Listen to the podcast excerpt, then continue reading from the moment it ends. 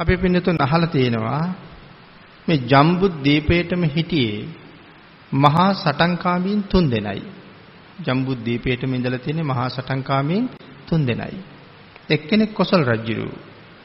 අනිත් එක්කෙනා බන්දුල මල්ල කියන සෙන්පතියා රජ කෙනෙකුගේ පුතෙක්. බන්දුල මල්ල. අනිත් එක්කෙනා ලිච්ඡවි රාජ්‍යයේ රාජකුමාරයෙක් වෙච්ච මහාලි ලිච්ඡවි. මේ තුන් දෙනා තමයි මුළු ජම්බු දීපේටම ඉඳලා තියෙන අති ප්‍රබල සටන්කාමීන් තුන් දෙනා.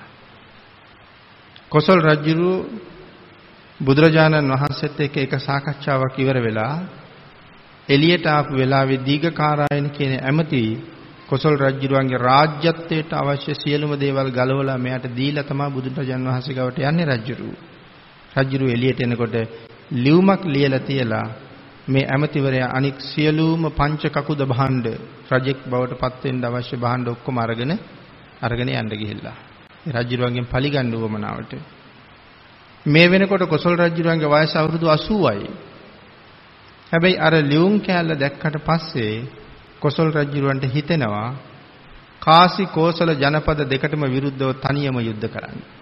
ඒ කියන්නේ සෙනග සේනාව නැතුව මේ ජනපද දෙකට විරුද්ධව තනියම යුද්ධ කරන්න හිතෙනවා කොසල් රජුරවන්ට. නමුත් යුද්ධයට යන්නේ නැහැ. පස්සේ කල්පනා කරන ඕන්නේ මගේ වයසත් එක්ක ඒ වයස ගැන හිතන්නේ යුද්ධ කරන්න බැරි හින්දා නෙමෙයි. නමුත් මේවන් වයසක ඉන්න කෙනෙක් යුද්ධයකට අවතීර්ණ වෙන්න ඕනේ නෑ. කියලා හිතලා තමයි අජාසත් කුමාරයා මුණ ගැහෙන්න යන්නේ. ඒ යන වෙලාවේ තමයි මගදී මරණයටපත් වෙන්නේ. ඒ සංසාරේ වෙනම අකුසලයක් විපාක දෙන නිසා. නමුත් 80 වයසේ හිතෙනවා කාසි කෝසල කියන ජනපද දෙකට විරුද්ධව මට තනියම යුද්ධ කර හැකි කියලා. බන්දුල මල්ල කියන සෙන්පතියා සකල යුද ශිල්පයන් ප්‍රගුණ කරලා ඉවර කරපු රජවරු 500ක් එක යුද්ධ කරලා මේ රජවරු 500 මරන්න පාවිච්චි කරලා තියෙන්නේ ඊතල දෙකයි. එතකොට මේගොල්ලන්ගේ මේ හැකියාව අතීතයේ ඉන්න අයගේ ඊතල දෙකයි පාවිච්චි කරලා තියෙන රජවරු 500ක් මරන්න. බන්දුල මල්ල කියන සෙන්පතියට බන්දුල මල්ලිකාවට දරුවෝ ඉඳලා නැහැ. ඒ නිසා මේ සෙන්පතියා මල්ලිකාට කියනවා මල්ලිකා මම තාත්තා කෙනෙක් වෙන්න හරි ආසයි. මං දරුසුරතල් බලන්න හරි ආසයි.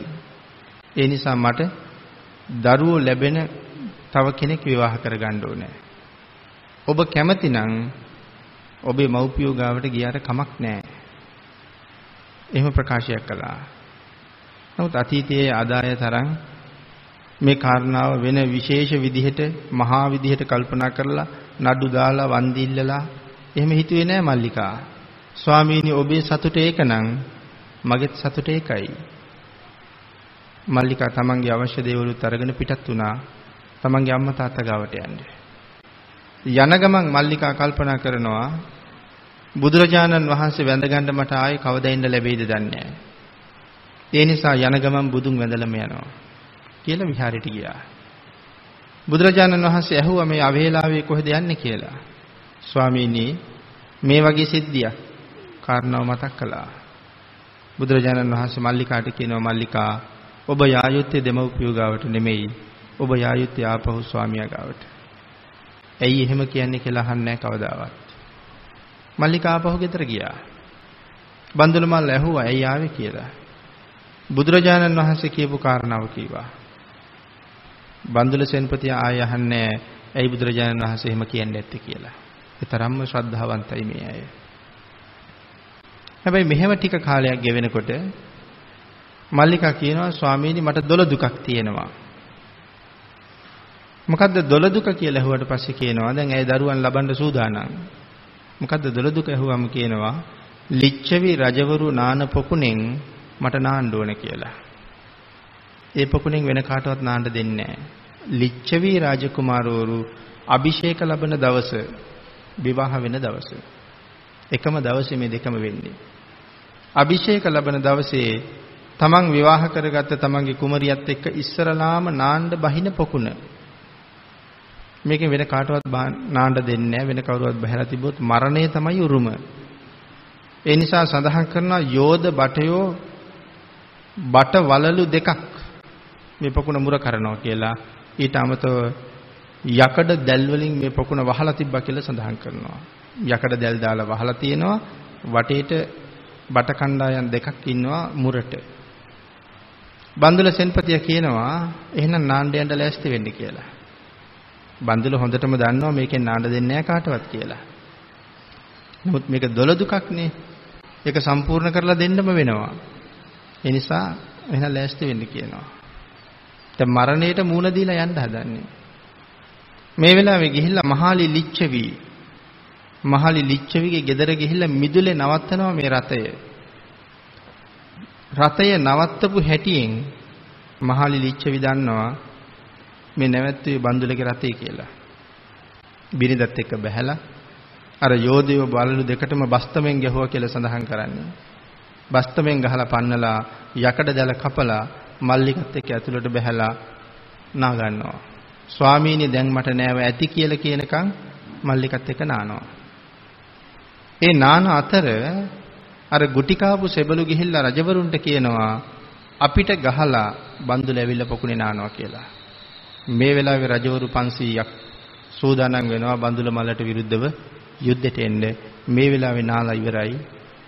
මල්ලිකත් එක්ක රථයට නැගලා ආපහු තමන්ගේ රාජ්‍යයට යන ගමන්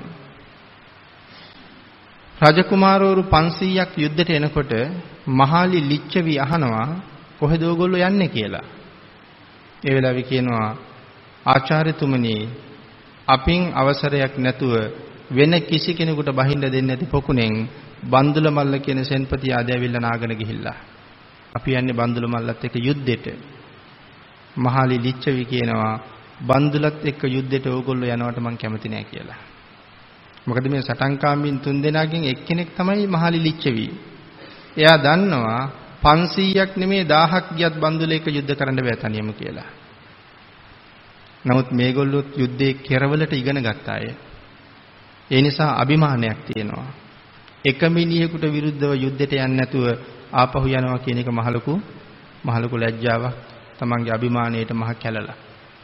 ඒ නිසා ආචාර්යවරයා නෙමේ කවුරු කීවත් මේ ගමන නවත්තන්නේ මේගොල්ලෝ යන්නමයි ලෑස්තියි. ඒ වෙලාවේ මහා ලිලිච්ඡවි කියනවා ඕගොල්ලෝ මං කියන දේ අහන්න නැතුව යනවනම් යන්න.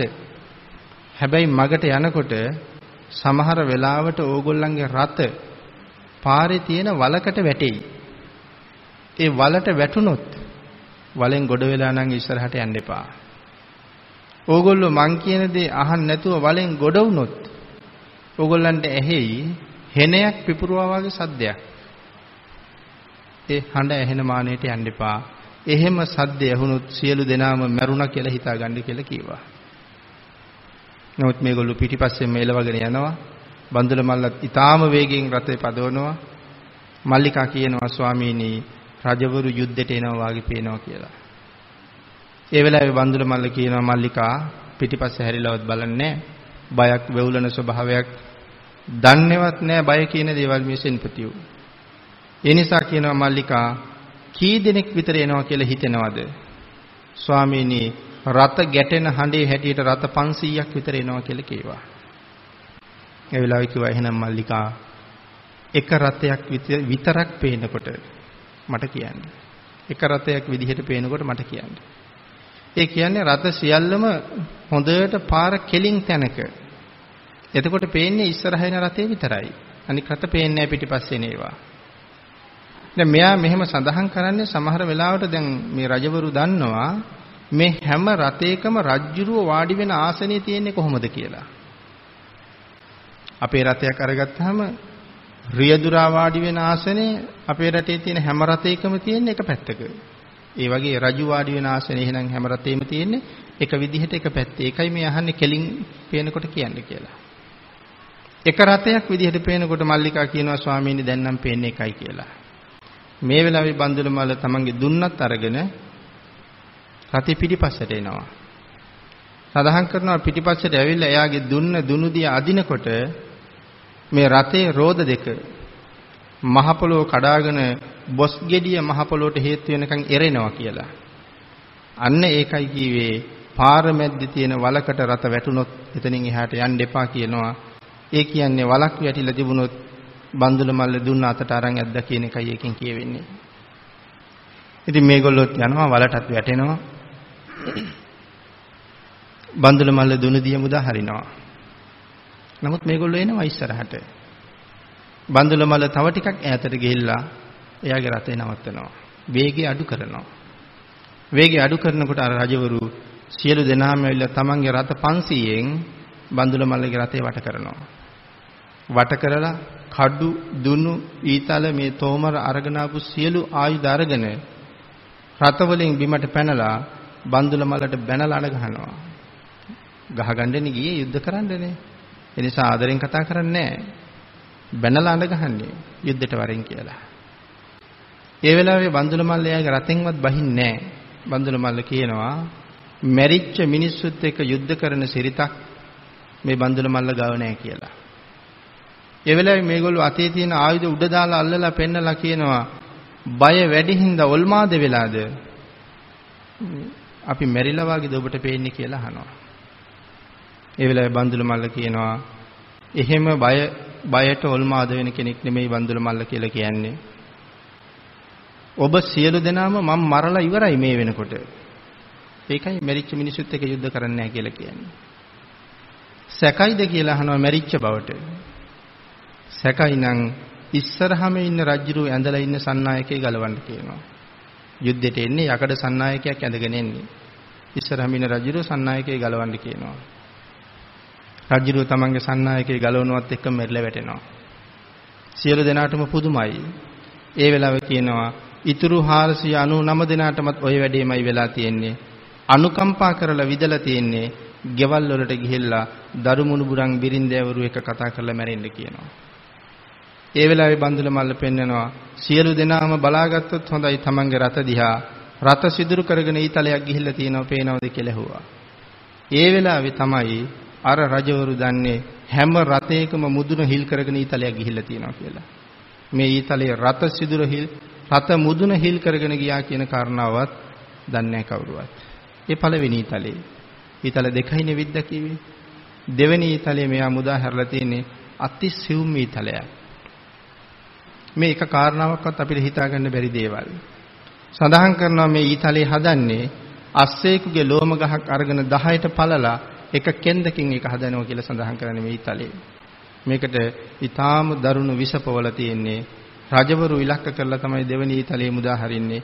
මේ ඊටාම සියුම් ඊතලය රජවරු ඇඳලා ඉන්න මේ යකඩ සන්නායකේ ගෑවෙමින් යනවා 500 දෙනාගේ මැඟේ. මේකට පොවලා තියෙන මේ විස අර යකඩ සන්නායකේ ගෑවෙනකොටම සන්නායකට උරනවා. රජවරු කොයි වෙලාවෙ හරි මේ යකඩ සන්නායකේ ගලවනකොට අපි ඇඳුමක් ගලවනකොට අපේ ඇඟේ ඒ ඒ තැන් වලට ඇඳුම හිර වෙන තැන් තියෙනවා. අන්න ඒ වාගේ යකඩ සන්නායකයේ යම් තැනකින් ඇඟට තද වුණාද ඒ තද වෙච්ච තැනින් විස ඇතුල් වෙනවා. එසැනින්ම මැරිලා වැටෙනවා. අන් ඒකයි රජවරුන්ට කියන්නේ මැරිච්ච මිනිස්සුත් එක්ක යුද්ධ කරන සිරිතක් වඳුල ගාව නැහැ කියලා. ඉතින් ඒ තරම්ම දක්ෂයෝ ඉඳලා තියෙන්නේ. මේ තවත් එක කාරණාවක් විතරයි. මේ වාගේ කරුණු ත්‍රිපිටකයේ පුරාවට සඳහන් කරලා තියෙන ඕන තරම් අතීතයේ අයගේ දියුණුව පිළිබඳව.